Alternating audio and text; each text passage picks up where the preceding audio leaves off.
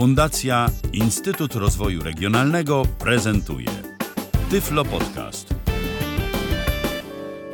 W kolejnym odcinku Tyflo Podcastu witam człowieka, któremu żaden program komputerowy nie jest straszny. Marcin Patoczka. Witaj Marcinie.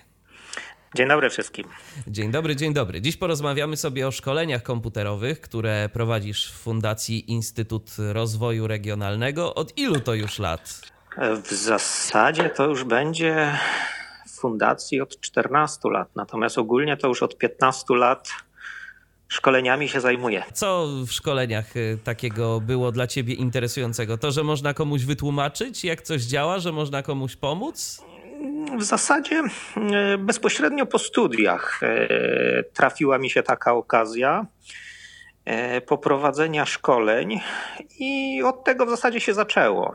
Później poprzez firmę, w której pracowałem, była ta firma partnerem szkoleniowym przy pierwszym projekcie mm, w fundacji.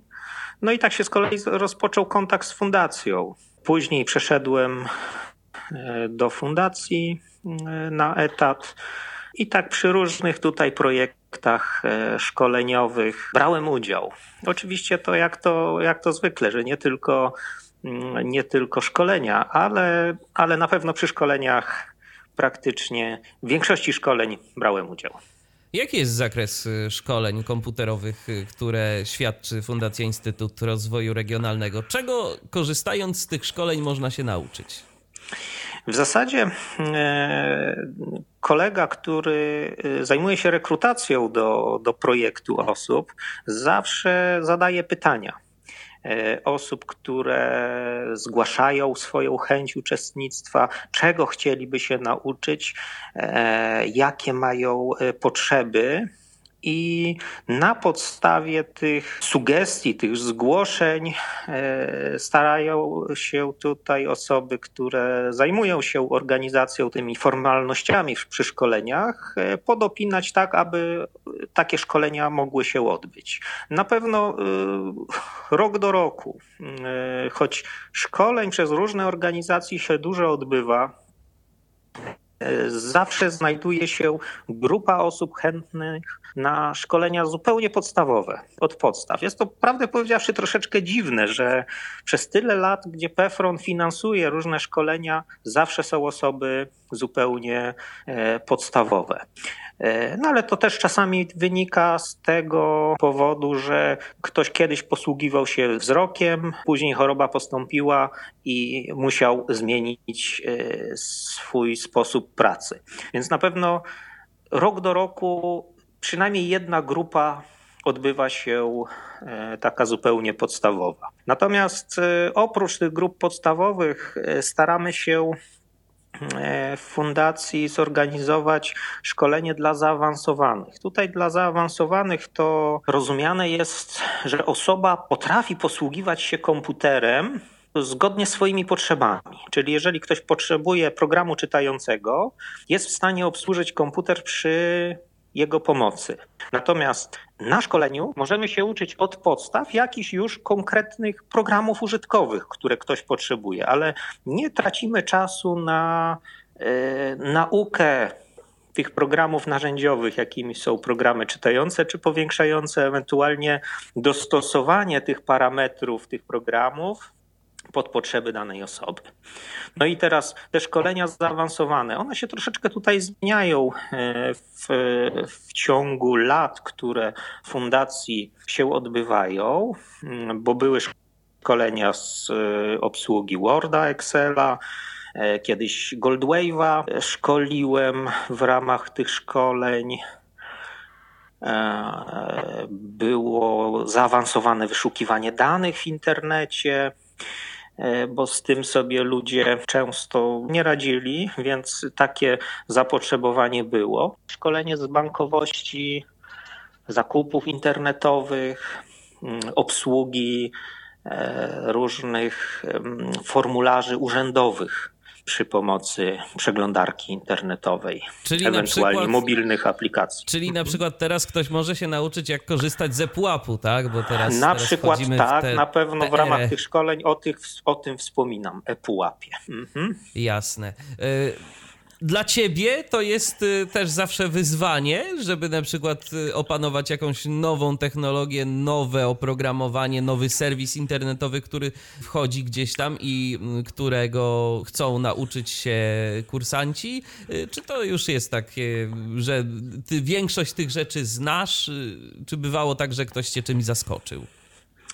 To znaczy, mm, zawsze staram się przygotować do, do, zawsze do szkolenia. Jeżeli to są szkolenia grupowe, to zawsze wcześniej ustalany pewien program, którego się powinienem trzymać.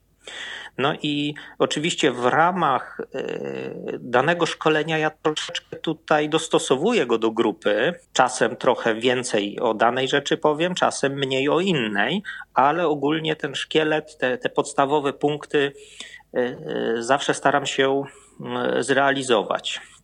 Natomiast jak to zwykle przy szkoleniach, są jakieś pytania dodatkowe. No i oczywiście, jeżeli z danym tematem już miałem do czynienia, no to zawsze staram się jak najbardziej e, wyjaśnić, powiedzieć, pokazać. Wszystko zależy od czasu, jak tu jest e, na takich szkoleniach.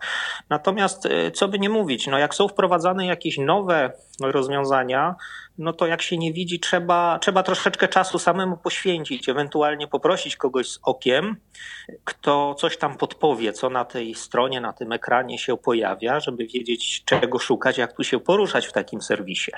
Z ciekawości, nie masz problemu ze szkoleniem osób słabowidzących, bo z tego co mówiłeś, to także takie osoby biorą udział w y, szkoleniach komputerowych organizowanych przez naszą fundację.